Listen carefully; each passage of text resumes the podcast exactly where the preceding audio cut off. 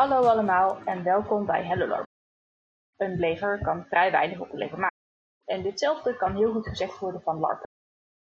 Uh, toch vinden we het vaak wel leuk als de maaltijden dan mogelijk zijn en als het kan zo iets weer mogelijk worden bereikt. Uh, daar gaan ik, Imke, Kotka. Hoi. En Pascal. Hey. Het over hebben met Matthijs Heideveld van Hoi. Maar voordat Matthijs zich aan jullie gaat voorstellen, willen we even... Dankzij jullie kunnen we de afleveringen nog leuker en nog beter maken. Dus Matthijs, stel je iets voor. Nou, hoi, ik ben Matthijs, uh, 32 jaar jong, uh, larp nu een jaartje of tien. Um, bij allerlei verschillende clubs. Ooit begonnen bij de Games Stuff. Als speler, later SL, later plotschrijver. Daarna overgestapt naar de Vortex. En ergens halverwege gaan koken. En dat is een beetje uit de hand gelopen.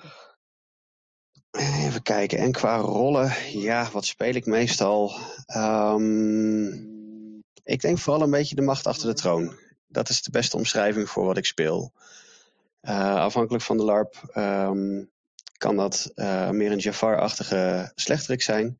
Vooral bijvoorbeeld in Vampire the Masquerade LARP. Um, of meer denk aan een Oathkeeper op Vortex die uh, de factie verder helpt. Klinkt heel bekend, uh, Matthijs. En ik ben een jaar of tien geleden begonnen met LARP toen een vriendin van mij um, met haar dochter naar een kidslarp wilde voor haar verjaardagsfeestje en tien kinderen mee wilde nemen. Waarop de SL zeiden, dan mag je ook tien figuranten regelen. En die vriendin van mij, Diona, op dat moment zei, nou Matthijs, jij gaat larpen, want het is bij jou in de buurt. En nou ja, dat is daarna een beetje uit de hand gelopen. Zullen we ook maar weer zeggen. Ja, dat, dat bekende problemen. Dus ja, um, dat is in de afgelopen tien jaar zo gegroeid tot dat ik nu twee bedrijven heb waarmee ik heel veel uh, doe binnen LARP. Met het ene kook ik en met de andere breng ik mystery guest bezoeken aan bedrijven om te kijken of ik data kan uh, bemachtigen. Oftewel ik NPC met mensen die niet weten dat er met ze gelarpt wordt. Um, dus dat heel in het kort van begin tot einde. En wat ik het leukste of raarste aan LARP vind, het allerleukste vind ik om um, mensen enorm beter te nemen. Noem het mindfucks, noem het hoe je het uh, noemen wil, maar dat soort dingen opzetten. En mensen iets laten zien wat uiteindelijk heel anders blijkt te zijn. Um, en waar ze wat van kunnen leren of van kunnen groeien met hun karakter. Dat vind ik het mooiste om neer te zetten. Nou, mooi gezegd. Um, Dank je. Vertel eens wat over uh, de ketel op het vuur, want de, daar gaan we het vanavond natuurlijk over hebben met LARP koken. Uh, de ketel op het vuur is een uh, waarmee ik voornamelijk vol pension neerzet voor LARPers. Soms vanuit de orga, soms vanuit spelersgroepen. Um, waarbij ik um, allergieën eigenlijk altijd garandeer. Dus ongeacht wat je niet kunt eten, bij mij krijg je een volwaardige maaltijd. Um, en ik zorg ook altijd dat ik voor alles vervangingen heb. Um, ik ben ooit begonnen met koken op LARPs, omdat het, uh, de cateraar slecht was. Dat begon met vijf vrienden, toen waren het er tien, toen waren het er twintig, toen waren het er veertig, toen werden het er tachtig. En toen ik er tachtig had, zei de Belastingdienst op een gegeven moment van, goh, zou je niet eens BTW gaan afdragen? En zo ben ik met het bedrijf begonnen, de ketel op het vuur. Bekend verhaal. Ik, uh, ik, ik kom tot nu toe op het 20 tot 25. Nou ja, en ja. zo wordt het steeds meer en meer en meer. En uiteindelijk eindig je dus met een bedrijfje aan je handen eigenlijk. Ja, ja, ik was klaar met mijn studie en ik kon moeilijk werk vinden. En ik was toch al veel aan het koken. Dus ik dacht, ach, dan kan ik er nog wel een paar larps bij pakken. Volgens mij is het meer geworden dan een paar larps. maar voor hoeveel van de larps moet je dan nog betalen dat je er bent? Um, dat hangt er een beetje vanaf wat voor afspraak ik heb. Als ik met een spelersgroep mee ben, um, dan betaal ik gewoon een kaartje. Maar als ik door de orga uitgenodigd word, um, uh, dan betaal ik of voor mijn verblijfplaats en versleutel ik de kosten daarvan weer in de kosten per deelnemer. Uh, dus wat, wat de LARP aan mij betaalt om daar te komen koken. dan wel dat ik gewoon niet meer betaal, zodat we het ook niet hoeven te verrekenen. En bij uh, VA, want daar zit je bij, dus, daar kook je bij end, maar je doet geloof ik ook de op- en afbouw koken. Dat klopt. Um, ik kook op VA uh, zowel voor de opbouw uh, als voor een groep spelers. Um, de groep voormalig bekend als END, want ja, facties bestaan natuurlijk niet meer. Um, en daar betaal ik gewoon als deelnemer de gewone deelnemersprijs, zodat ik tijdens het spel alle vrijheid heb om te doen waar ik zin in heb. Goed verhaal. En dat is vrij uitzonderlijk met, met VA omdat op een heleboel andere LARPs er gewoon echt geen tijd is om iets anders te doen dan koken. Ja, dat probleem herken ik. Uh, inderdaad, ik, uh, ik doe zelf bij de Vikingen geen volpension. Ik doe echt alleen avondeten, omdat ik specifiek zoiets heb van ik wil ook gewoon tijd hebben om gewoon over het veld te kunnen banjeren en gewoon even, al is het maar voor even, gewoon los kunnen gaan in het spelen.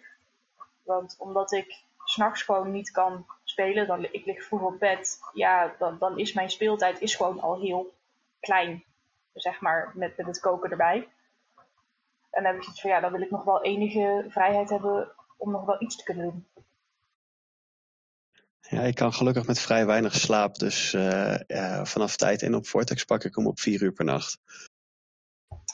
Nee, dat ga ik mezelf nog even niet aandoen. Uh, er, zijn, er zijn meer mensen die kunnen maar op zoveel uh, of zo weinig slaap draaien. Ik vind dat nog best veel voor LARP, vergeleken met sommigen. Maar uh, even kijken, want jij doet het nu bijvoorbeeld bij VA, jij doet het bij andere LARPs ook. Kan je daar makkelijk speel bijvoorbeeld ook mee creëren? Hangt van de LARP af. Um, bij bijvoorbeeld Estera gaat het wat lastiger, omdat ik daar in een binnenkeuken sta die vrij afgesloten is van, uh, um, van het stuk waar gespeeld wordt. Uh, maar op een Vortex bijvoorbeeld uh, is de tent die ik neerzet en de vuurplek erbij met alle banken, et cetera, is ook een plek waar mensen komen zitten om even uit te hijgen van waar ze nu weer achteraan gerend hebben. Want hé, hey, het is wel end. Die doen alleen maar rennen of stilstaan. en um, uh, op het moment dat mensen zitten, gaan ze ook informatie uitwisselen over dingen waar ze mee bezig zijn. Komen er plotstrengen bij elkaar. En wordt er op die manier uh, ook doorgespeeld aan het vuur. Dan wel als er gegeten wordt of als de toetjes bijna klaar zijn. Um, dus daar, daar maak ik, als het even mogelijk is, ook zeker wel spel mee.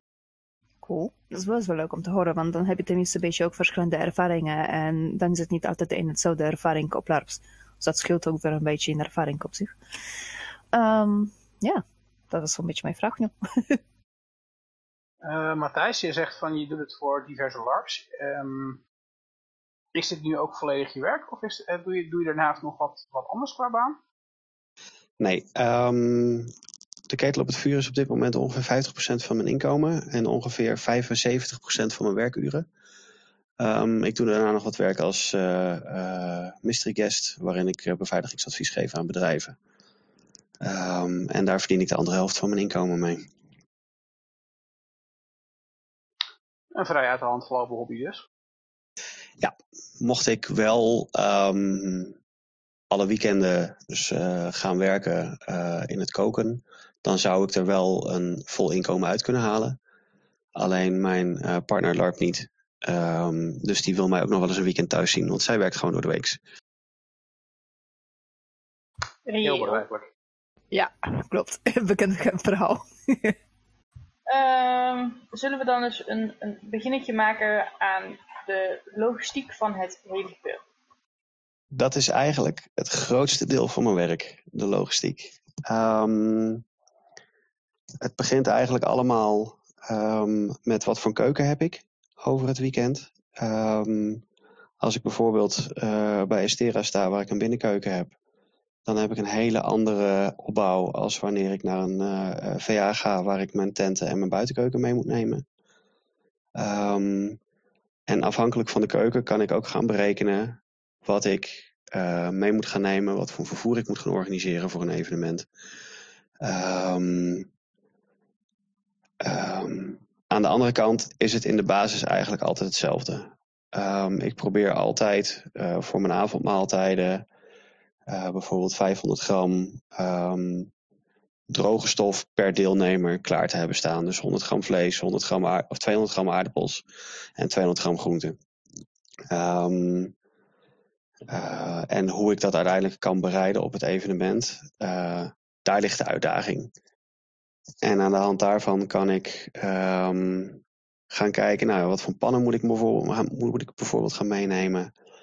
Um, wil een organisatie wel of geen toetjes hebben? Maak ik die wel of niet warm op locatie? Um, um, maak ik wel of geen ontbijt op locatie? Willen mensen wel of geen gebakken eitjes met spek bij het ontbijt? Dat zijn allemaal dingen waar ik rekening mee hou. Ja, dat zijn dus allemaal dingen waar ik rekening mee moet houden. En die zijn allemaal van invloed uh, op de berekeningen en op de logistiek die ik moet gaan, uh, gaan doen. Um, dus het is iedere keer weer opnieuw puzzelen. Wat moet er mee? Wat heb ik op locatie? Um, wat kan ik wel of niet op locatie halen? Of moet ik thuis al halen en daar zien te krijgen? Uh, dus het is iedere keer weer een, een, een, hele puzzel om dat allemaal voor elkaar te krijgen. En hoe groter de groep, hoe lastiger het wordt.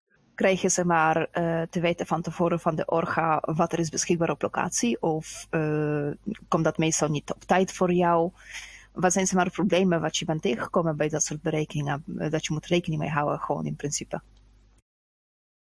Um, ik probeer altijd de keuken of de plek waar ik mag koken van tevoren te zien.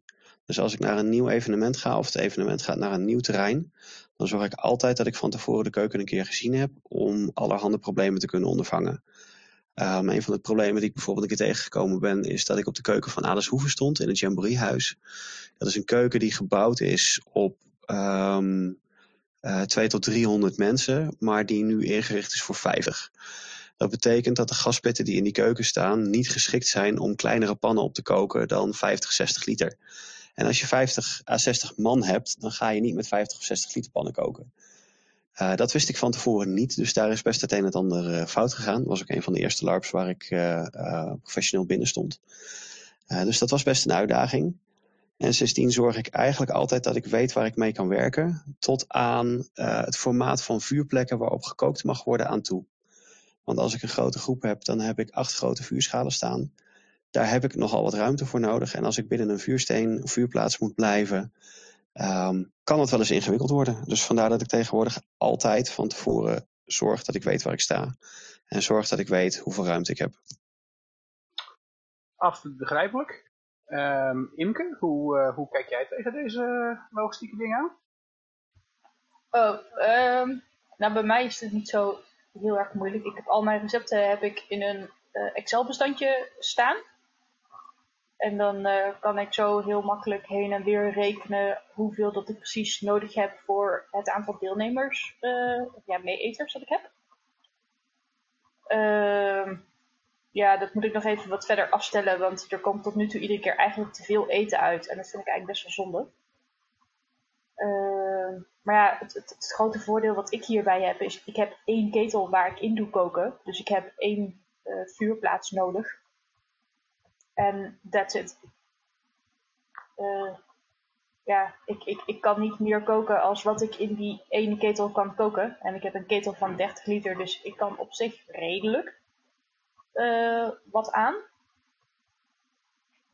Uh, maar ja, als, als ik voor meer moet gaan koken, dan, dan red ik dat gewoon niet. Dan overzie ik dat ook niet uh, om dat ook nog bij te houden. Want heel vaak gaat het in de ketel waar ik dan in kook. Uh, hebben we al regelmatig dat het uh, onderaan gewoon echt helemaal is aangebrand. Omdat het gewoon niet meer te roeren is. En dan uh, ja, zit je nog bovenop nog wel te wachten totdat het gaar is. En dat, dat maakt het dan lastig. -hmm. Dus het is, uh, we, zijn nog steeds een beetje een leerproces aan het doen van uh, hoe dat we alles moeten afstellen. Maar ik weet dat uh, ja, qua auto-indeling, ehm, dat laat ik voornamelijk aan, aan Michael over. Die eh, breekt er iedere keer zijn hoofd over en die scheldt me de huid vol over dat ik ehm, die fucking grote ketel mee moet nemen en nog veel meer aan, aan boodschappen. Ja, die laat ik gewoon wel thuis bezorgen. Omdat het gewoon echt ja, redelijk veel is. Ja, nee, heel begrijpelijk. Um, een van de meest moeilijke dingen misschien ook wat betreft logistiek en zeker ook uh, wat je inkoop betreft zijn allergieën en, en, en, en, en dergelijke. Hoe ga je daarmee om en hoe krijg je het voor elkaar om uh, ja, toch voor iedereen een maaltijd neer te zetten? En dan met name denk ik Martijs, want jij je hebt wat dat betreft de grootste groepen. Um, voor mij begint het met eten zien als Lego. Het zijn allemaal blokjes en als je de juiste blokjes bij elkaar zet, krijg je er wat moois van. Um, maar dat betekent ook dat je blokjes weg kunt laten zonder dat dat direct invloed heeft op het, uh, op het eindresultaat. Of blokjes in verschillende pannen klaar kunt maken. Um, dat betekent voor mij dat ik naast mijn grote ketels ook een heleboel 1 en 2 liter pannetjes bij me heb. Die ik naast de grote ketels wel boven het vuur kan hangen. Um, zodat ik allerlei um, aparte keteltjes kan maken voor mensen die bepaalde allergieën hebben waar ik geen rekening mee kan houden in de grote potten. Op binnenlocaties doe ik zo'nzelfde soort opzet, maar dan uh, uh, ja, met pannen die beschikbaar zijn op de locatie. Um, maar uiteindelijk komt het erop neer lijsten bijhouden en um, goede planningen maken van tevoren. Zorgen dat alles op papier staat. Dat alle recepten uitgewerkt zijn, dat alle allergieën uitgewerkt zijn, dat alle potten van tevoren gepland zijn. En op die manier weet ik zeker dat ik voor iedereen aan het einde van de dag een hoofdgerecht en een toetje heb als dat, het, dat is wat er besteld is. Ja, en voor mij, ik heb een, uh, ik gebruik een online survey. Uh, die stuur ik voor elk evenement waarop ik kook, stuur ik die naar iedereen die mee wil eten. En met dat ze het invullen, schrijven ze zich ook in op het eten. Dan weet ik ook meteen van, oké, die moet ik hebben. En dan heb ik een IC-naam en een OC-naam. Uh, om het voor mezelf ook gewoon even uh, makkelijk te houden. Uh, en IC te kunnen blijven natuurlijk. Dat we niet over het veld voor jouw lieve broertje moeten gaan lopen roepen. Maar dat we gewoon Theodor kunnen roepen. om een voorbeeld te geven. Uh, en daar vraag ik gewoon, uh, wat zijn dingen die je, waar je gewoon echt allergisch voor bent, wat je absoluut niet lust en wat je er niet uit het eten kan vissen. Uh, eh, dus dingen als suiker kan je niet uit eten vissen. Dingen die heel erg klein gesneden zijn, kan je vaak er, er, er, niet uit vissen. Vloeistoffen kan je er niet uit vissen. Allemaal dat soort uh, dingen.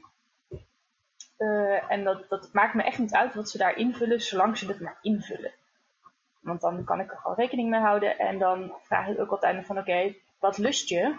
Maar zou je eruit kunnen halen? Want als, je het, als, uh, als het iets is wat mensen gewoon niet lussen, zoals bij jouw champignons, uh, dan kan ik zorgen dat ze groot genoeg gesneden zijn dat mensen ze er zonder problemen uit kunnen vissen. Zolang ze het smaak niet erg vinden in principe. Ach, ik, heb, ik, heb geen, ik heb op zich geen moeite met wat champignons, maar champignonsoep wordt voor mij wat uh, enthousiast. ja, dat Laten we het op dat niveau houden, zeg maar. Ja, en ik kan met smaak heel vaak geen rekening houden, omdat ik zulke grote groepen heb. Dat is gewoon niet te doen.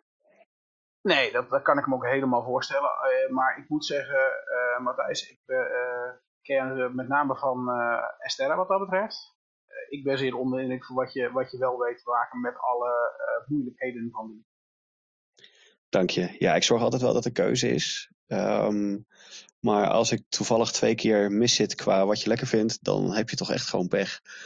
Uh, er zijn meestal wel twee keuzes, uh, behalve op de Vortex, want daar heb ik gewoon niet genoeg mensen om, uh, om twee keu keuzes neer te zetten. Um, en dan hou ik echt alleen rekening met allergieën en intoleranties. of als je dingen echt niet lust en je geeft dat aan, kan ik kijken of ik er rekening mee kan houden. Maar dat gaat gewoon niet altijd. Ja, ik, ik, ik ben daar zelf een heel moeilijke persoon bij, omdat mijn eetproblemen zijn niet als dusdanig te klassificeren. Uh, of mensen zijn niet als allergieën te klassificeren, maar komen vanuit een overgevoeligheid die ik heb vanuit mijn autisme, waardoor ik tegen bepaalde manieren dat eten aanvoelt of klinkt in mijn mond, daar kan ik gewoon bepaalde uh, ja, daar kan ik gewoon kokhalsneigingen van krijgen, wat het hele eetgebeuren minder prettig maakt. Dat snap ik helemaal. En ehm, dat is er zelfs eentje die ik tegenwoordig aangeef als zijnde um, zeer valide reden om op een andere manier te koken. Want ik heb te veel mensen die uh, op die manier last hebben van bepaalde, uh, nou, bepaalde ingrediënten, zeg maar. Um, dat heb ik zelf ook. Dus ik snap dit en daarom hou ik daar ook zeker rekening mee. Oké, de, de, dan zou je zeggen van dit is niet iets waarvoor je zelf nog voor je eten moet zorgen. Dit is iets waar je rekening mee kan houden. Ik zie dit als een medische reden om daar rekening mee te houden. Fijn, daar word ik heel vrolijk van wanneer ik in de toekomst naar het stera kan komen. Ja. Tevens het feit dat je daar ondanks alles dan nog voor elkaar krijgt om keuze te, te creëren, vind ik... Uh, ja, bewonderenswaardig, absoluut. Zeker. Dank je. Um, hoe doe jij de, de inkopen regelen en uh, hoe regel je dat je alles op een evenement krijgt? Mis ik dan nog iets van het logistiek onderdeel? Ja, nou, volgens mij zijn we er aardig. Um, mijn vlees en mijn brood haal ik bij mijn lokale slager en bakker. Um, vlees bij mijn slager, omdat ik weet dat ik dan uh, aan de ene kant een goede kwaliteit vlees heb. En aan de andere kant dat het vlees is van koeien die uh, in het Overijsselse en Drents landschap gelopen hebben. Uh, die daarmee een veel kleinere um, CO2-afdruk achterlaten. omdat ze buiten staan, omdat de uh, mest direct in de natuurgebieden weer ingaat. En omdat ze water drinken uit de rivieren waar ze aan lopen. Uh, en mijn brood haal ik bij mijn lokale bakker. Um, omdat ik dan aan de ene kant precies weet wat erin zit. Omdat een aantal supermarkten niet alles even netjes aangeven. Bijvoorbeeld waar ze hun bakblikken mee, uh, mee insmeren. Um, waardoor ik weer betere controle heb op mijn, uh, mijn allergieën als het gaat om brood. Um, mijn groentes die haal ik over het algemeen bij de Sligro, bij de groothandel. Um, omdat ik ze daar voor een euro extra per kilo uh, voorgesneden, geschild en uh, nou ja, zeg maar pan klaar heb. Oh, dat is um, zoveel werk. Uh, op het moment dat ik 200 man heb zitten, kan het niet anders. Um, althans, ja, het zou wel anders kunnen, maar dan zou ik zoveel personeel moeten aannemen dat het niet meer kan voor de prijzen die ik nog kan vragen binnen LARP Nederland. Nee, ik denk dat uh, uh, niemand zou het je kwalijk nemen als je zoiets aanhouden zoals vanaf 20 personen gewoon. Precies. Nou ja, tot een mannetje of 30 doe ik nog uh, um, wel gewoon met de hand. Um, en alle boodschappen die ik niet bij de Sligo, bij mijn slager of mijn bakker haal, die haal ik bij de Lidl. Omdat die ehm, over het algemeen vrij goedkoop is, maar wel redelijke kwaliteit heeft. en ook hele goede groenten en fruit heeft nou ja, hoe je bekijkt, weet je, Lidl heeft meerdere keren uh, consumentenprijzen gewonnen met dat soort dingen. Dus uh, dat is best wel logisch eigenlijk. Precies. Als je iets houdt lokaal, uh, dus zeg maar in buurt van, bedoel je daarmee dan lokaal bij jou of lokaal in buurt van de evenement? Lokaal bij mij in de buurt. Um, wat ik nog wel regelmatig doe als ik geen of weinig koelingsmogelijkheden op locatie heb, is dat ik spullen bij de Sligo in de, in de buurt van het evenement bestel. Uh, want de meeste evenementlocaties hebben een sligo binnen 30 minuten rijden. Uh, als ik bijvoorbeeld, um, ik heb vorig jaar heb ik Omen gedaan. En uh, op Omen had ik 150 deelnemers. En geen koelingsmogelijkheden op locatie. Dan haal ik iedere ochtend vers mijn voorgesneden groentes. En ik zorg dat ik mijn vlees met voldoende koelelementen of met een koelkast op gas op locatie koud kan houden. Dus dan haal ik in die zin wel dingen lokaal. Um, maar ja, de Sligo heeft gewoon een groenteboer die door heel Nederland levert. Dus wat dat betreft uh, is dat niet heel erg lokaal. Dus alleen mijn vlees en mijn brood komen voor mij hier uit de buurt, in de buurt van Zwolle, lokaal. Is er, uh, is het ooit zeg maar, geweest voor jou dat je moest bijvoorbeeld uh, dingen lokaal gaan halen, zoals bij een bakker of bij een slager, in buurt van een evenement? Uh, dat is me op de Vortex wel eens gebeurd op de Summoning. Um, dat de laatste dag dat ik toch niet helemaal uitkwam met mijn brood. En gelukkig is er een bakker die levert op het terrein. Dus dat is een kwestie van een formuliertje invullen bij de kampstaf achterlaten. En twee dagen later staat het brood klaar. Oké, okay, dus dat was nog best wel te doen, zeg maar. Het was niet een hele grote noodgeval. Ja. En sowieso als ik wat moet hebben, ehm, over het algemeen, zeker als ik ehm, echt alleen aan het koken ben, ben ik eigenlijk iedere dag wel het terrein af om nog wat laatste boodschappen te doen, om nog wat extra dingen te halen voor mensen die dingen niet goed aangegeven hebben op een allergielijst. Of ehm, eh, die dingen als moeite hebben met mondgevoel niet door hebben gegeven. Waar ik dan toch rekening mee kan houden door even een uurtje of anderhalf van het terrein af te zijn. En vaak heb ik voldoende hulp met ontbijt en lunch om dat te realiseren. Nou, en natuurlijk dan zitten we met het beetje uh, logistiek wijs op het evenement zelf. Want jij had het over bijvoorbeeld een uh, koelkast op gas of uh, koelelementen. Um, hoe hou je rekening met bijvoorbeeld, ik neem aan, want jij zegt ook van tevoren te zijn heel vaak bij de keukens van de, op het terrein. Ik neem aan dat je kijkt dan ook gelijk naar wat er is beschikbaar qua koeling en dat soort dingen. Wat zijn jouw oplossingen mocht iets opeens gaan uitvallen? Uh, op het moment dat dingen uitvallen, um, zijn de oplossingen heel beperkt. Um, ik heb tot nu toe nog geen uitval gehad op locaties die echt uh, leiden tot geen maaltijden kunnen maken. Maar over het algemeen zijn de afspraken met de locaties zodanig dat op het moment dat iets uitvalt, dat de organisatie ervoor moet zorgen dat dingen uh, weer geregeld worden. Ik heb bijvoorbeeld wel eens meegemaakt dat een koelkast uitviel en dat de uh, locatie dan een nieuwe koelkast gehaald heeft of een koelkast gehuurd heeft voor een paar dagen. Om ervoor te zorgen dat het toch opgelost wordt. En dat is gewoon goede afspraken maken met je locaties.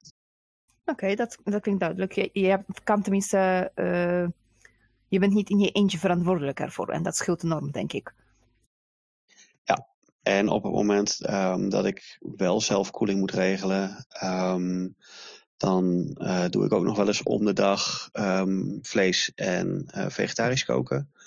En dan op de dagen dat ik boodschappen ga doen, dan um, uh, haal ik vlees en dan kook ik met vlees. En als ik dan een keer een dag geen boodschappen kan of hoef doen, dan kook ik vegetarisch.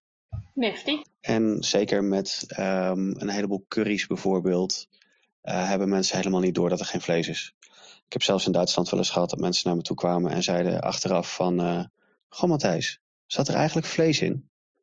Nou ja, als een verstokte Duitse vleeseter komt, uh, het vlees niet gemist heeft en achteraf komt vragen dat het goed is, of het goed was, of hij het goed geproefd had, dan uh, zit je volgens mij wel goed. ja, inderdaad. Uh, ja, voor mij, uh, omdat ik zelf niet auto kan rijden, uh, is het inkopen logistiek vrij simpel. Ehm, ik zorg dat ik zo'n drie weken van tevoren dat ik eigenlijk alle uh, surveys binnen heb. En tot een week voor het evenement kunnen mensen alsnog uh, surveys invullen. Want er zijn altijd laatkomers. En dat vind ik verder ook nooit erg of zo. En dan ga ik prijs berekenen bij de AH. Want dat kan ik gewoon online bestellen en die leveren dan gewoon aan huis op het moment dat het redelijk voor me uitkomt. Uh, en dan weet ik ook ongeveer alvast wat ik aan prijs uh, kwijt ben. En dat is voor mij het, belangrijkste. Ik heb niet de mogelijkheid om naar de lokale uh, slager of bakker of iets te gaan. Ik moet gewoon echt de goedkoopste en meest praktische mogelijkheid hebben om, om dit te realiseren.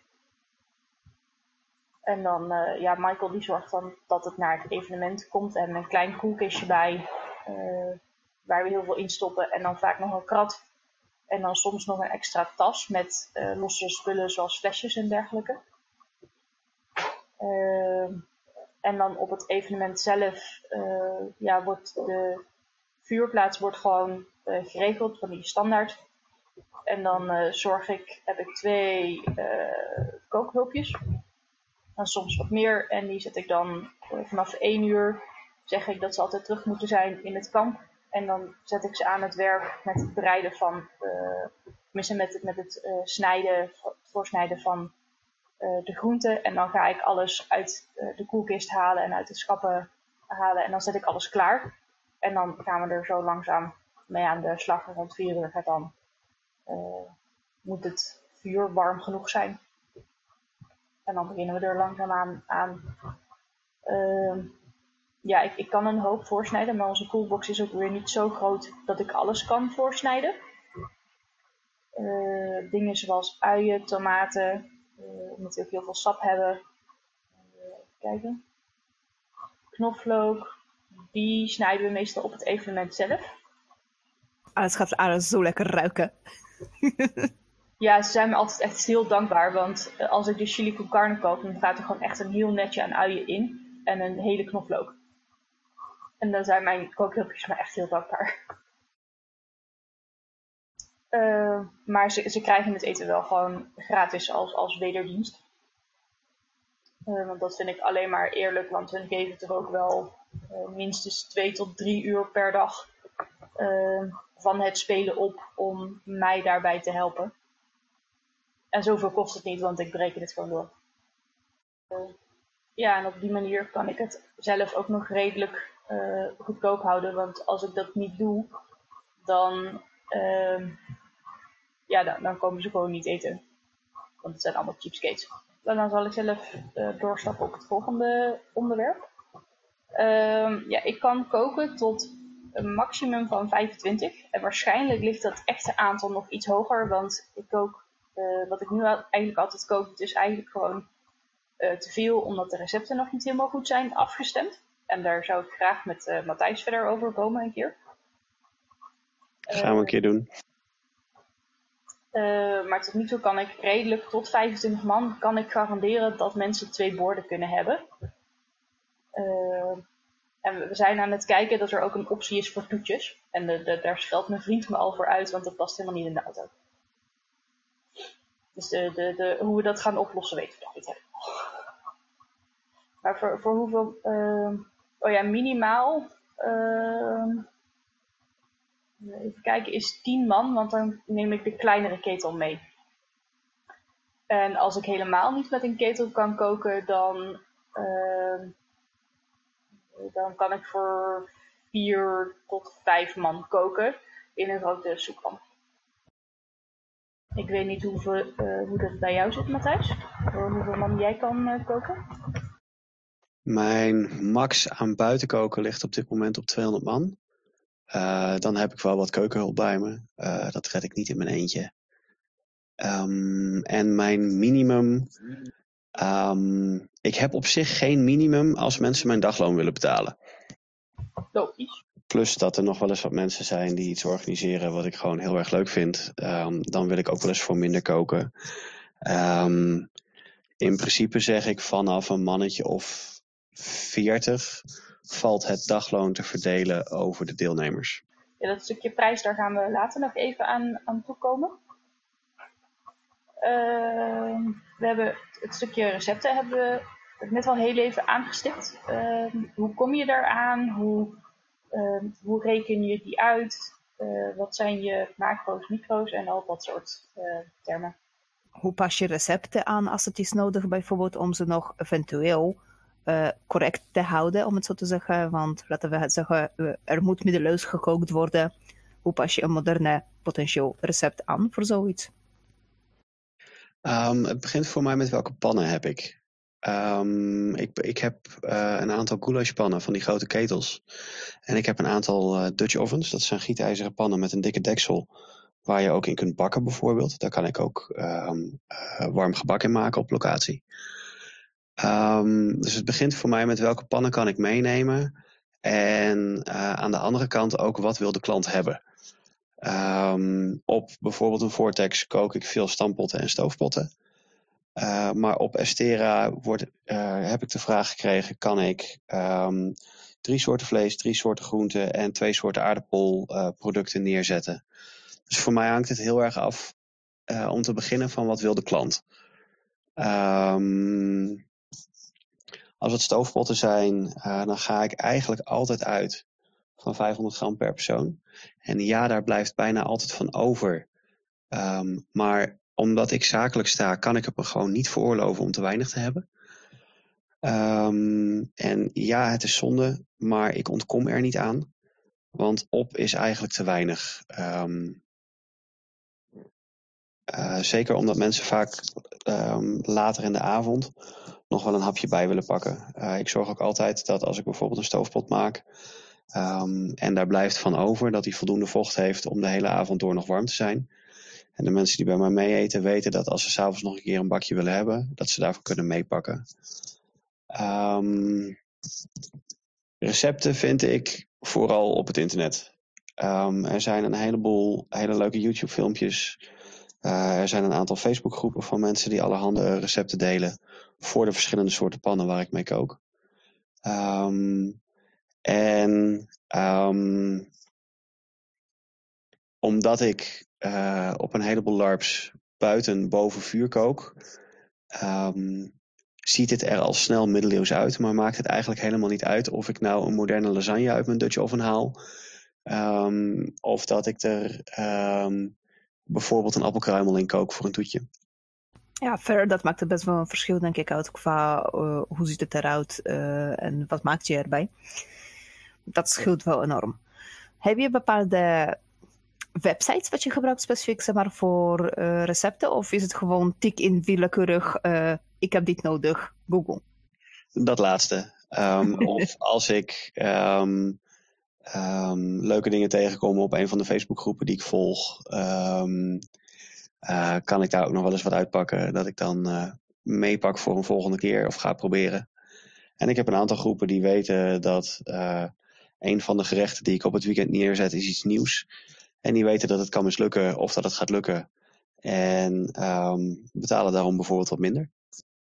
Ook altijd een goede optie om, uh, om dingen te proberen. Ja, ik, uh, uh, ik ben op het idee gekomen hiervoor toen ik vrijwilligerswerk ging doen in een, in een zorginstelling voor ouderen.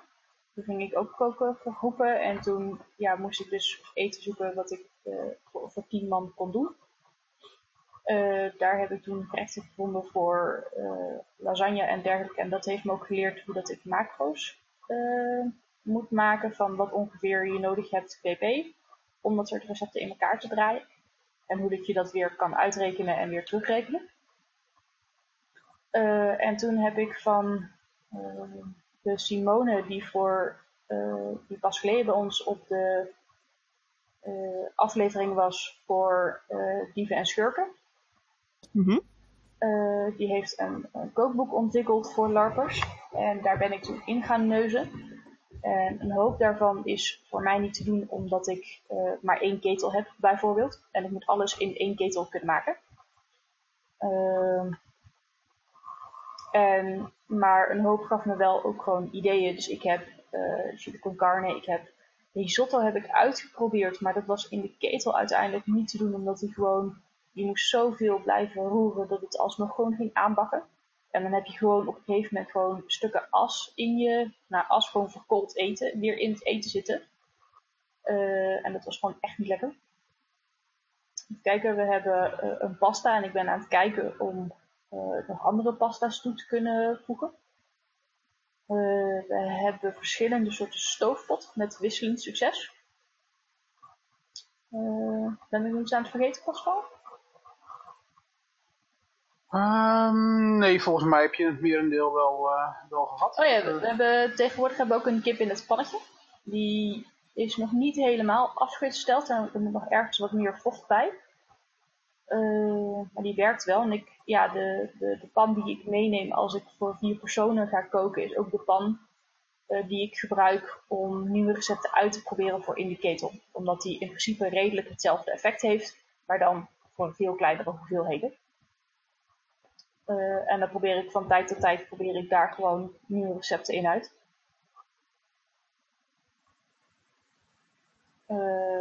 en dan is het inderdaad ongeveer 100 gram aan vlees, pp sowieso. Uh, en dan 62 gram aan rijst. En ook zoiets aan pasta. Uh, meen ik uit mijn hoofd. En uh, de rest wordt helemaal opgevuld met uh, groenten. Ik, ik, ik weet niet hoeveel groenten het bij elkaar is, pp omdat het heel veel verschillende groenten zijn. Uh, En mijn laptop wil niet meewerken, dus ik, ik ga het nu niet verergeren door ook nog Excel te openen. Uh, maar uh, ja, mensen mogen dat Excel sheet van mij gewoon inzien en gebruiken. Want het is verder heel erg self-explanatory. Uh, en heel erg makkelijk. Nou ja, we, hebben het gehad over de, combinatie van spelen en koken. Uh, kun je dat iets verder uh, uitdiepen hoe dat jij dit uh, aanpakt als speler, personage? Hoe zorg jij, hoe kom jij tijdens het koken door nog aan spel en zorg je dat je op tijd genoeg terug bent om verder te gaan met de volgende fase van dat kookproces? En, en, in hoeverre heb je hulp en hoeveel hulp heb je en al dat soort dingen? Um, ik heb eigenlijk altijd wel hulp. Um, op de Vortex bijvoorbeeld komt dat vrij natuurlijk van de mensen die meespelen. Um, want er zijn altijd mensen die rond etenstijd zoiets hebben van ik wil even zitten, even niks doen. Dus daarmee heb ik eigenlijk altijd wel hulp. Een van de dingen die ik altijd uitbesteed, dat staat ook gewoon in mijn voorwaarden, ik doe geen afwas. Het is heel simpel, ik, ik was niet af. Uh, mijn deelnemers nemen zelf borden en bestek mee, die wassen ze af. En um, de pannen die worden door mensen uit de groep afgewassen. En hoe ze dat met elkaar regelen, dat regelen ze maar met elkaar. Maar ik doe het niet. Um, was um, meteen de volgende vraag. Ja, nou ja, goed. Dat is, dat is er een die heel veel tijd vreet. En waar ik dus ook best veel hulp bij nodig heb. Um, op Frontier bijvoorbeeld heb ik de afwaskeuken verkocht aan een aantal jongens die een uh, inspel uitzendbureau draaien. Um, die betaal ik nu per dag een bedrag om de afwas voor mij te doen. En dan kijk ik niet meer naar om. Uh, dus zo maak ik daar ook spel mee. Um, een van de dingen die ik altijd verwerk in mijn uh, keuken of um, uh, herbergierpersonages die ik speel op LARPs waar ik met name buiten kook, is dat het altijd um, het is altijd zeg maar de barman. Zoals je die in de klassieke films ziet. De man tegen wie je aan kunt lullen en over alles kunt praten. Dat probeer ik afhankelijk van de LARP wat meer IC of wat meer OC neer te zetten. Er, staan, er zijn een aantal LARPs waar ik OC sta. Juist zodat er een plek is waar mensen uit het spel kunnen zitten, kunnen hangen, kunnen even niet in het spel zijn. Um, en er zijn een aantal LARPs waar ik juist IC sta en juist bezig ben om mensen IC te houden. Um, terwijl ik aan het koken ben. Uh, VA is er daar zo eentje van. Um, en daar komen mensen vooral uitwisselen over wat ze meegemaakt hebben over die dag. Um, uh, met elkaar overleggen, waar sta jij met jouw plotje en hoe, hoe gaat het met de mijne? Heb ik hulp nodig of kan ik jou helpen? Uh, op die manier wordt er ook heel veel informatie uitgewisseld. En wat er ook heel regelmatig gebeurt, is dat mensen naar me toe komen en zeggen: Heb je die en die gezien? En dan is mijn antwoord meestal: Ja, die liep net met uh, deze persoon daar en daarheen. Oh, dan moet ik ingrijpen, is het antwoord dan meestal. Um, dus zodoende um, heb ik ook genoeg tijd om om me heen te kijken, uh, te zien wat er gebeurt en te weten wie waar is. En daarmee kan ik ook een stuk spel verdelen vanaf het vuur. Vanaf de centrale plek waar iedereen mij weet te vinden. Ja, het, het helpt inderdaad ook dat je ook kookvuur staat, in ieder geval op VA, gewoon echt smack that op het hoofdveld. Ja. Dus iedereen, het is echt goed vindbaar voor iedereen en je, je kan er gewoon uh, rustig heen, inderdaad. Uh, uh, ja, wij met vikingen staan op de, op de grond van, van, van, van River. In ieder geval, stonden we altijd. Ehm, dus ja, en dat gaat van heen en weer tot van vooraan in het kamp tot achteraan op, het, op het fractietrein. Ehm, en hoewel mensen ons vuur uh, goed weten te vinden, uh, ja, is het toch wel lastig om op die manier echt spel te gaan uh, verdelen. Uh, dus vandaar dat ik meestal gewoon uh, zorg, zeg maar, tijdens koken ben ik echt puur bezig met taken uitdelen en zorgen dat het recept op rolletjes loopt. En dan dat ik weet waar we zitten in het recept. Uh, ja, en dan, en dan eh, zoeken ze het zelf maar even uit hoe dat het qua spel zit. Eh, dat was ook nog wel heel even interessant toen dat we een koning op bezoek kregen. sorry, niet sorry. dat maakt het verder niet uit. Maar dan, dan uh, ben je dus inderdaad bezig met koken en gelukkig waren we al ver klaar. Uh, maar dan zit je wel eens zo van, gaan we nu eten? Wil de koning nog iets doen voor het eten? Jeske? Wat doen we? En toen was het vrij snel opgelost. Uh, ik doe inderdaad zelf ook niet de afwas. Ik ben al zoveel tijd kwijt met uh, dingen regelen en dat soort dingen. En ik vind het heerlijk, daar niet van. Maar ik wil gewoon even kunnen zitten en me niet zorgen hoeven maken over dat soort huishoudelijke dingen. Dus ik stel uh, van iedereen die bij ons mee komt eten, daar verzamel ik iedereen van. En ik probeer rekening te houden met mensen die gewoon echt geen tijd hebben, omdat ze gewoon veel te fucking veel hebben. Uh, en dan uh, verdeel ik de taken gewoon over iedereen. En dan uh, krijg je een schop onder je kont als Om nog even terug te pakken op de afwas. Um, op Vortex bijvoorbeeld is voor mij de tweede reden dat ik na het eten niet afwas. Omdat ik dan ook gelijk begin met het maken van een toetje. Wat ik vaak pas wat later op de avond serveer. Zodat mensen om een uur of tien à elf nog een warme hap hebben. Um, tussen het hard plotten na het eten en dat laatste gevecht in het donker. Kan me voorstellen dat ze daar ook heel dankbaar voor zijn. Zeker als het koud en mistig is.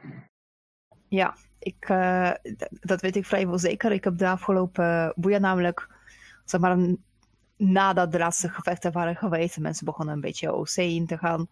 Kreeg nog bij een kampvuur waar mensen waren daadwerkelijk nog aan het koken iets. Kreeg nog ook wat te eten mee. Dat was toch best wel heel erg fijn gevoel.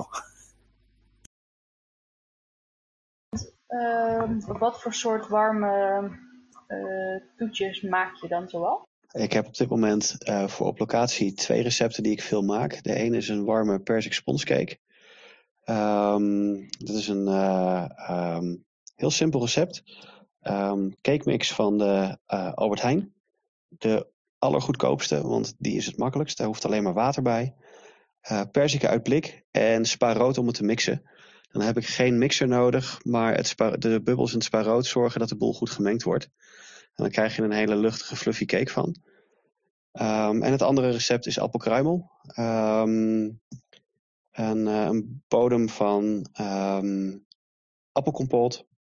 met daarop fijn geknepen beschuiten met suiker en boter. En met name die appelkrummel is een dingetje waar mijn vorige karakter op de uh, Vortex vrij bekend mee geworden is. En zelfs een plek bij End verkregen heeft.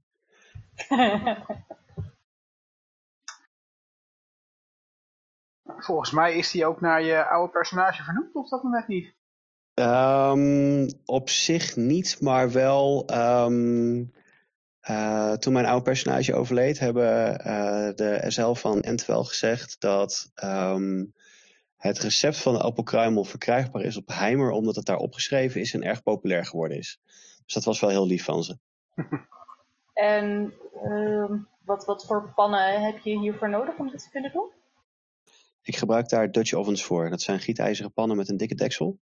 Daar kun je zowel kolen op als onder leggen, waardoor je een uh, ovenwarmte aan de binnenkant krijgt. En daar, daar kun je uh, in bakken, of het nou taart of brood is, uh, of vlees wat lang op een lage temperatuur moet. en daardoor met briketten te werken kun je daar heel nauwkeurig de temperatuur in, um, in afmeten, omdat je het aantal briketten telt wat er boven en eronder ligt. En dan weet je hoe warm je pan wordt. En de lijstjes daarvoor die kun je gewoon online vinden. Oh, dat is inderdaad wel interessant. Uh, ja, ik, ik, ik weet niet of dat het iets is wat ik uh, zou kunnen gaan aanschaffen. Uh, maar het is zeker wel iets wat ik uh, zou willen hebben, omdat het inderdaad mij net ook de, de mogelijkheid geeft om, om dat soort gerechten te maken. Uh, maar zou je bijvoorbeeld ook een idee hebben wat je als toetje in een ketel zou kunnen doen? Je zou sowieso kunnen kijken naar uh, verschillende puddingsoorten. Um, of naar um, Aziatische dessertdumplings die je kunt stomen. Uh, met een stoommandje in een grote ketel kun je ook een heleboel leuke dingen doen. Oh, dat klinkt inderdaad heel goed. Uh, heb jij het dan over die bamboemandjes eigenlijk? Ja. Ah, dan weet ik ook precies welke. Ah, ik had er eigenlijk nooit over nagedacht om die zo te gebruiken. Dank je voor het idee. Geen probleem. Um, en nog een tip, uh, mocht je naar gietijzer willen gaan kijken, um, zorg dat je voldoende vet bij je hebt. Gietijzer uh, op LARPs is uh, ontzettend lastig, ontzettend gevoelig voor roest. En dat moet je ontzettend goed ingevet houden. Zorgen dat het um, goed ingevet, goed geseasoned blijft, zoals dat heet. Het vet moet je ook inbranden. Um, want als je dat niet doet, krijg je roest in je pannen. En dan kun je ze helemaal gaan uitschrobben, helemaal gaan uitschuren. En opnieuw gaan inbranden. En dat kost ontzettend veel tijd. Is het dan, zeg maar, want dat hoor ik ook vaker voorbij komen wat betreft gietijzeren pan überhaupt. Is het dan, zeg maar, des te oudere pan, des te beter? Want in principe zou je dan kunnen bijvoorbeeld overwegen om tweedehands of vierdehands, om het zo te zeggen, pan te halen. Um, ja en nee. Um, ja, als de pan altijd goed onderhouden is, hoe ouder, hoe beter. Als dat niet zo is, of er zit roest onder, kun je beter nieuw kopen die al ingebrand is. Oké, okay, op deze manier. Dat is tenminste ook een beetje duidelijkere antwoord voor heel veel mensen bijvoorbeeld die zitten erover nadenken. Mm -hmm. Ja, er is online heel veel te vinden over koken met gietijzer. Uh, ook heel veel filmpjes op YouTube, et cetera, over hoe je de, uh, de pannen goed onderhoudt. Mocht je willen gaan nadenken over gietijzer, uh, lees je goed in, kijk goed naar je, uh, kijk filmpjes, kijk wat gietijzer nodig heeft, want gietijzer moet je echt tijd aan besteden om te onderhouden. Ja, dat klopt, maar zoals ik al zei, waarom vraag ik dat eigenlijk was, uh, ik heb me wel eens geprobeerd te lezen, alleen ik kwam dan op internet echt uh, informatie die spraken elkaar tegen. Dus het is heel lastig, misschien bijna onmogelijk om eigenlijk achteraf eruit te halen wat is het echte correcte informatie in principe. Heb jij misschien een, een goede uh, website waar je deze informatie kan zien? Ik zal even kijken of ik wat van kan vinden hoor, momentje. Ik, ik moet zeggen dat dit wel iets is wat wij met de ketel uh, heel vaak gewoon niet lukt. Uh, zeker het stukje inbranden. Uh, omdat wij daar binnen de groep ook niet zo heel veel ervaring mee hebben. Uh, dus ik, ik, zorg wel inderdaad dat nadat de ketel is schoongemaakt, dat hij weer is ingewreven met, met olijfolie. maar het stukje dat hij daarna weer terug op het vuur moet, gaat vaak nog mis. Of we weten niet helemaal zeker hoe lang hij erop moet. Uh, en, en hoe dat het dan zit met het vuur en zo. Dus dat is nog een, stukje wat we niet helemaal weten. Dus meestal uh, ja, weet ik uh, dat ik de andere dag even moet kijken hoe dat zit met de roest in de pan. -hmm. Ja, olijfolie is um, een hele slechte om mee in te branden. Um, beter is koolzaadolie en nog beter is bijvoorbeeld een seasoning mix van Petromax. Dat is gewoon een potje vet, vrij letterlijk, wat je erop kunt smeren. Um, op het moment dat je inbrandt, uh, is het insmeren, inbranden tot die droog is. En dan kun je koken. Uh, en na tijd weer insmeren met hetzelfde soort vet. En voordat je weer begint opnieuw inbranden. Um, ik heb het zelf ook niet goed gedaan deze winter met mijn pannen. Dus mijn pannen zijn ook uh, nogal geroest. Dat betekent dat ik ze um, vandaag weer aan het uitschuren geweest ben met uh, een haakse slijper en een grote staalborstelkop erop. En uh, vanavond nog aan het inbranden was vlak voordat ik hier aanschoof. Um, dus het gaat mij ook nog wel eens fout. Um, de um, beste uitleg die ik tot nu toe gevonden heb over gietijzer komt van het YouTube-kanaal van de Townsends. Dat zijn reenactors in de Verenigde Staten die heel veel doen met gietijzer. En die hebben een aantal hele goede filmpjes over hoe zij inbranden. En die gebruiken daar uh, koolzaadolie voor. En dat is een soort die uh, heel goed verkoolt voor de ingebrande laag die je nodig hebt om je pan te beschermen. Nou, ja, bij, ons valt het redelijk mee eigenlijk met hoeveel roest dat erin komt. Meestal als ik er gewoon met een staalborstel, uh, zo'n speciale waar al zeep in zit, ingaat, dan is het er echt bijna meteen uit. Uh, maar mij was toen de tijd door de verkoper was olijfolie juist aangeraden, omdat je daar ook gewoon mee kan koken. Zeg maar, dus dan, zit je niet met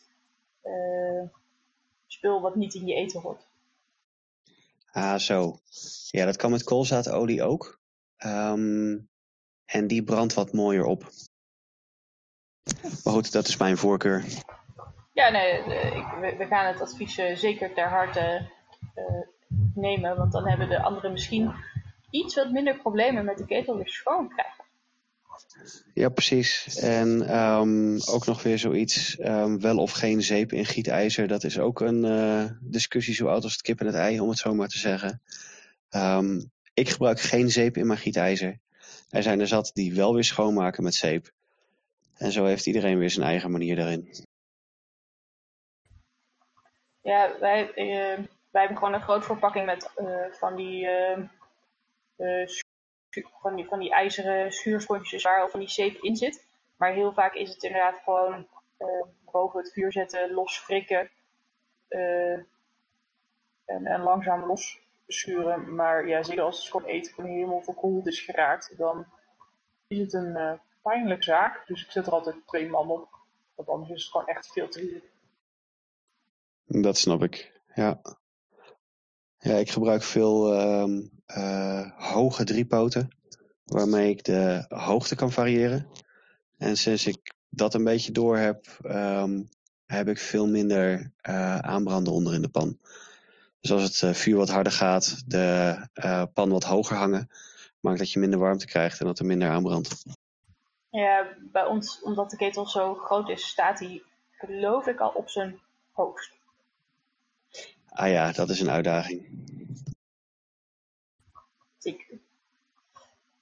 Uh, maar, Dan denk je dat we hebben zo'n beetje alle vragen gehad, of niet? Nee. Er is oh. nog een pagina niet. Um, hoeveel ah. zijn mensen uh, ongeveer pp kwijt om bij jou te eten? En hoeveel vraag je ervoor als je op iets als een special koopt? Gewoon voor, voor iedereen die er is dat hangt bij mij heel erg af van wat mensen wel of niet willen hebben. Um, wil je wel, wel of geen koffie of thee? Uh, wil je wel of geen gebakken eitje bij je ontbijt? Um, dus dat, dat kan ik zo niet aangeven. Ook omdat ik. Um, nou, ik, ja, ik doe dit professioneel. Ik moet er ook een dagloon uithalen. Uh, ik moet als ZZP'er uh, bijna 450 euro op een dag overhouden om aan minimumloon te komen voor de uren die ik, um, nou ja, voor 10 uur per dag.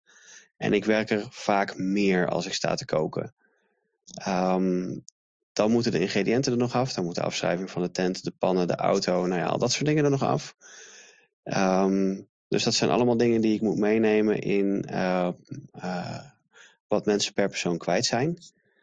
Um, dus ik heb niet één prijs per persoon die ik vraag. Dat hangt af van hoeveel mensen er mee eten en wat er afgenomen wordt.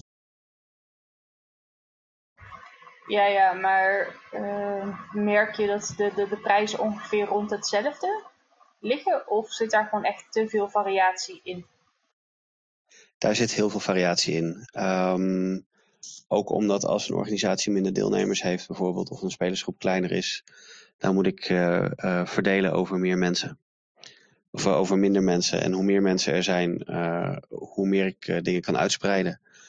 Um, om hem heel breed te leggen, voor vol pensioen, vrijdagavond tot zondag lunch, um, zit ik ergens tussen de 20 en de 45 euro per deelnemer. Dat is op zich niet heel erg duur. Als ik naga, want ik weet dat ze bij mij zijn ze voor twee maaltijden, uh, drie uh, met de summoning. Uh, zijn ze ja, tussen de 10 en de 15 euro kwijt voor een heel weekend. En dan is het soms net even afhankelijk van hoeveel dat er nu precies mee eten. Hoeveel mensen dat er bijvoorbeeld niet mee hoeven te betalen, wat er nog extra bijgehaald moet worden, uh, welke gerechten we precies eten en er duurdere dingen hebben en dat soort dingen. En dan komen we meestal rond tussen de, de 10 en de 15 euro uit. En als mensen dan maar één dag mee eten, uh, dan zeg ik vaak dan ook dat ze dan maar vijf, dat ze dan maar ja, uh, de helft of maar een derde moeten betalen van wat de rest betaalt. Dan uh, denk ik dat we over kunnen gaan naar eigenlijk misschien nog wel de belangrijkste vraag voor onze luisteraars.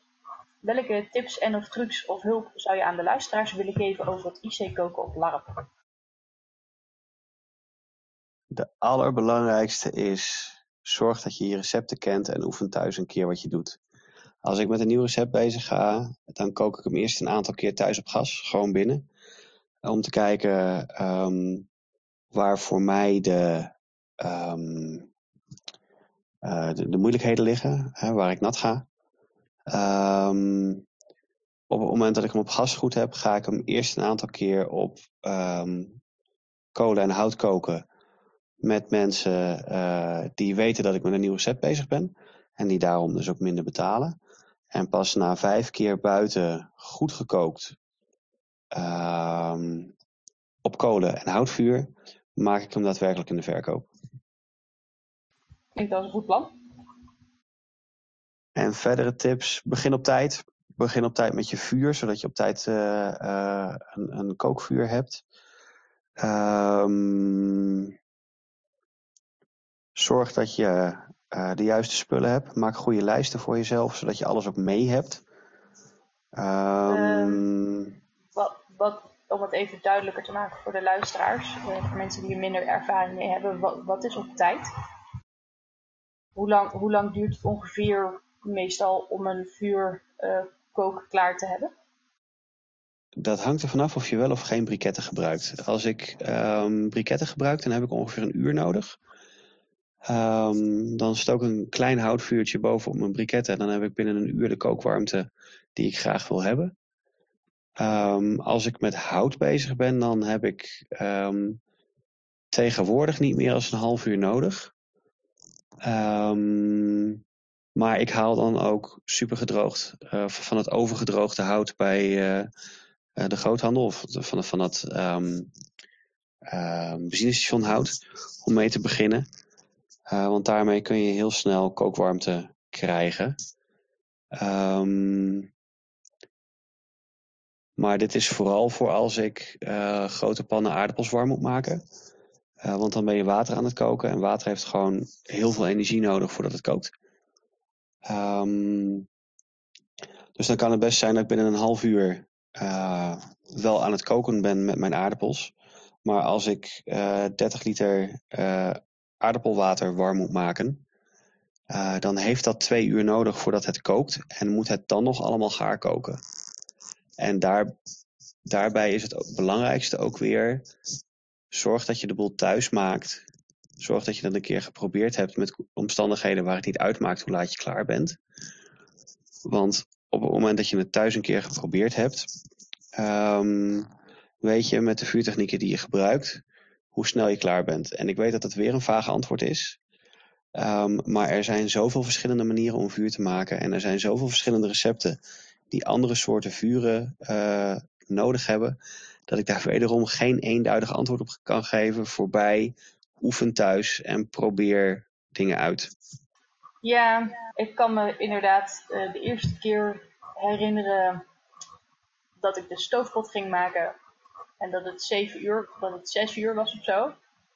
En dat ik zei, uh, ja, nu moet het nog twee uur stoven. En dat het kamp echt ineens zakte. Als ik een, uh, een stoofpot maak, uh, met name mijn runderstoofpot, dan um, gaat om 8 uur s ochtends het vuur aan. Dan staat om 9 uur de stoofpot op en dan serveer ik hem niet voor 6 uur s avonds uit. Want het allerbelangrijkste ingrediënt voor een stoofpot is tijd. Ja, absoluut. Inderdaad. Uh, ja, bij mij is dat dan inderdaad vaak een zaterdag of uh, een sum inderdaad een, een andere eh, dag. En tegenwoordig maak ik die niet meer. Die runder omdat die inderdaad gewoon echt te veel tijd kost. En dan kan ik niet uh, om één uur beginnen. Want dat werkt inderdaad gewoon niet. Maar ik heb een, eh, een viking stoofpot, die natuurlijk veel beter past. Uh, waar we ook erg blij mee zijn. En dat is met kip en die is met uh, 20. Zodra die alles er eenmaal in zit, is het 20 minuten en het is klaar. Dat is heerlijk. Dat zijn inderdaad hele fijne recepten. Zo heb ik er ook een aantal liggen. Onder andere voor een stoofpotje met kapucijners, uien, spek en appeltjes. En um, dat is er één die ik het liefst maak als ik weinig tijd heb. Want die kan ik in een uur, anderhalf uur voor uh, 40 tot 50 man klaar hebben. En daarna ongeveer 10 minuten per 10 man extra. Zo, uit nieuwsgierigheid even een vraag, Matthijs. En uh, voor jou ook, Imke. Zouden jullie het bijvoorbeeld op prijs stellen als er zou een website of een deel van een website zeg maar, uh, zijn waar je zou heel makkelijk dat soort recepten kunnen vinden? Um, ik heb op zich redelijk veel plekken waar ik recepten vandaan haal. Um, en steeds vaker ook deelnemers die naar me toe komen met... Goh, ik heb laatst een keer dit en dit gegeten. Um, zou je eens kunnen kijken of dat wat voor jou is? Een centrale plek voor recepten is voor mij op zich niet zo heel interessant, want Google kan alles vinden wat ik nodig heb. Oké. Ja, ik ben op zich er wel geïnteresseerd naar, maar ik denk dat als ik uh, ga zoeken op, uh, uh, hoe heet het nou, zo'n zo slowcooker recept, uh, dat ik dan ook een heel eind kom met wat er mogelijk is in de ketel. En heel vaak als, je, als ik gewoon zoek op één pansgerechten, nou zijn dat heel vaak leugens, want dat zijn echt niet één pansgerechten.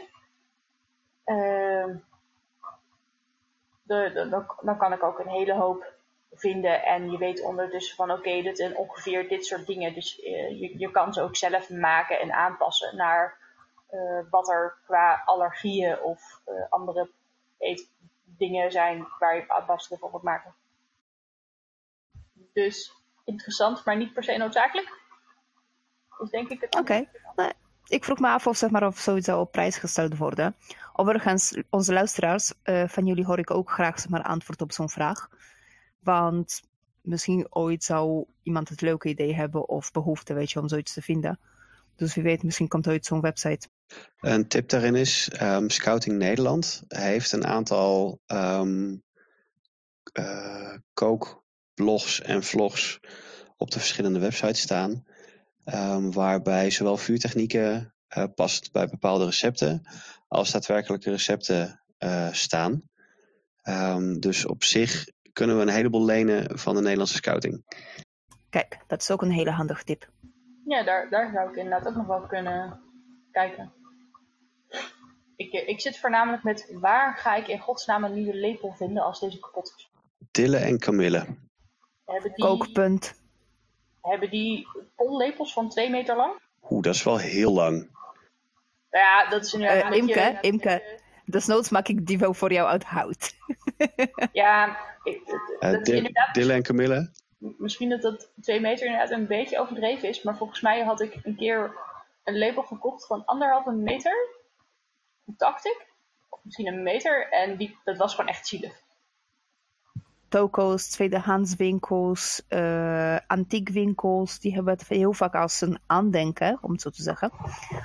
Uh, wat er nog meer? Dilla Camille inderdaad, kookpunt eventueel. En anders uh, reenactment winkels. Ja, degene die ik nu heb, die heb ik toen een keer op een stalletje gevonden in Kastvest. En daar was ik heel blij mee, want dat was, heb ik toen gevonden, het evenement voordat ik met de 30 liter ging koken. En dat was mooi, want bij de 30 liter zat er geen lepel. Dus ik had echt iets van, hoe gaan we dat doen? Want daar ging ik met mijn normale pollepel niet in komen. Zou het dan meestal zeg maar, de winkel dat verkoopt zo'n ketel ook niet zoiets moeten verkopen, eigenlijk? Je zou het denken. Ja. Ja, maar nee. Ehm, Ja. nog, een, nog een tip daarin. ehm Brouwmart.nl, een bierbrouwwinkel. Die hebben voor het eh, omscheppen van eh, eh, hopmengsels en zo... hebben ze ook allerlei houten lepels die erg lang zijn. Klopt. Dat is inderdaad nog wel een leuk idee. Want deze die begint eh, na jaren trouwe dienst een beetje af te brokkelen. Want hè, dat krijg je niet hout. Dus ik zat een beetje te kijken met, eh, waar ga ik een nieuwe vinden? Want ik heb geen idee wie dat vent was, die me toen de tijd op Kasper heeft gekocht. Oh, dat is ook pittig. Oh. Ja, maar eh Kotka, je bent absoluut welkom om naar mijn lepel te komen kijken en te zien hoe dat je daar een nieuwe versie van kan maken. Ik heb een hele mooie anderhalf tot 1,80 eh, lange stok. Wat moet ik nog goed zien te gebruiken? en wat nieuwe gereedschap dat ik wil gaan voor gebruiken. Dus eh komt goed. Maar ik, ik weet niet of dat een stok zo handig is, want hij moet vrij breed zijn om stevig genoeg te kunnen zijn. Oké, Op laat me zo zeggen. Het is geen stokje wat ik heb. Ik heb een tak. Zo'n hele brede tak. Van een stam Ik af. Het is dikker dan mijn arm. Ja, oké. Dan heb ik jouw armen laatst niet gezien, dus hè? Ja, het valt ook mee. Oké, hij- is zeker zeg maar de goede mm, eh, 30 centimeter in dia. Moet goed komen. Eh, ja, dat, dat klinkt wel als oké. Nou, dan denk ik dat we hebben eigenlijk zo'n beetje alle vragen gesteld wat we hadden eh, kunnen stellen. Ik kan op dit moment in ieder geval niet iets bedenken. Behalve... Eh, ik, kan er, ik kan er nog één bedenken voor Matthijs. En dat is eigenlijk van, ehm, ben jij momenteel nog eh, bereikbaar voor nieuwe klanten? En zo ja, waar kunnen ze je bereiken? Oeh, dat is een goeie. Ik heb dit najaar nog weer wat ruimte in mijn agenda. Ehm, mensen kunnen mij bereiken op Facebook, De Ketel op het Vuur. Eh, dat is voor mij de makkelijkste en de snelste. Ehm, en eh, als je een, eh, een LARP hebt vanaf een mannetje of 40, dan kunnen we altijd eens kijken wat de mogelijkheden zijn. Dan, en met die woorden gaan we de podcast afsluiten. Eh, deze podcast staat en valt met onze luisteraars. Dus als je verhalen hebt voor ons over eh, hoe dat jij prachtige larpgerechten hebt gekookt eh, in IC-ketels of whatever op het veld. of als je tips hebt over larp koken. of mocht je nog andere leuke onderwerpen bedenken die wij zouden kunnen bespreken. Stuur ze dan naar ons op via de Facebookpagina of per e-mail. Dat is imke.stevens.gmail.com Eh En dan, eh, wie weet, zie je in de nabije toekomst wel een aflevering voorbij komen met jouw woorden of ideeën. Eh, nou, wij willen natuurlijk dat de podcast blijft bestaan. En wij hopen dat jullie dat ook vinden. En we willen hem ook beter maken. Daarom zou het voor ons al heel veel helpen als je over onze podcast vertelt aan al je LARP-vriendjes en niet-LARP-vriendjes. En dat je hè, de, de podcast liked en shared en al dat soort neuzel. Eh, zodat wij beter bereikbaar zijn en beter gevonden kunnen worden voor anderen. Kun je iets missen, dan worden wij heel erg blij van een donatie waarmee wij de nieuwe headset kunnen afbetalen. Eh, of weer andere eh, mooie dingen kunnen doen voor de podcast. Eh, ook worden wij erg blij van eh, als je patron van ons zou willen worden via hellolarp.nl. Met 1 dollar in de maand kun je ons echt al enorm helpen. En voor 5 dollar in de maand uh, kun je daarnaast dus ook nog eens een keer eerder toegang krijgen tot de afleveringen. Uh, met de caveat wanneer wij ze eerder kunnen leveren. Uh, want als wij door technische problemen dat niet lukt, dan krijg je ze alsnog eerder dan de rest. Uh, en kun je een kijkje krijgen in de notities van de afleveringen en kun je ook stemmen op toekomstige afleveringen. Kun je meer kwijt zijn, worden wij nog blijer van. Uh, dan zitten er nog veel meer uh, rewards aan vast.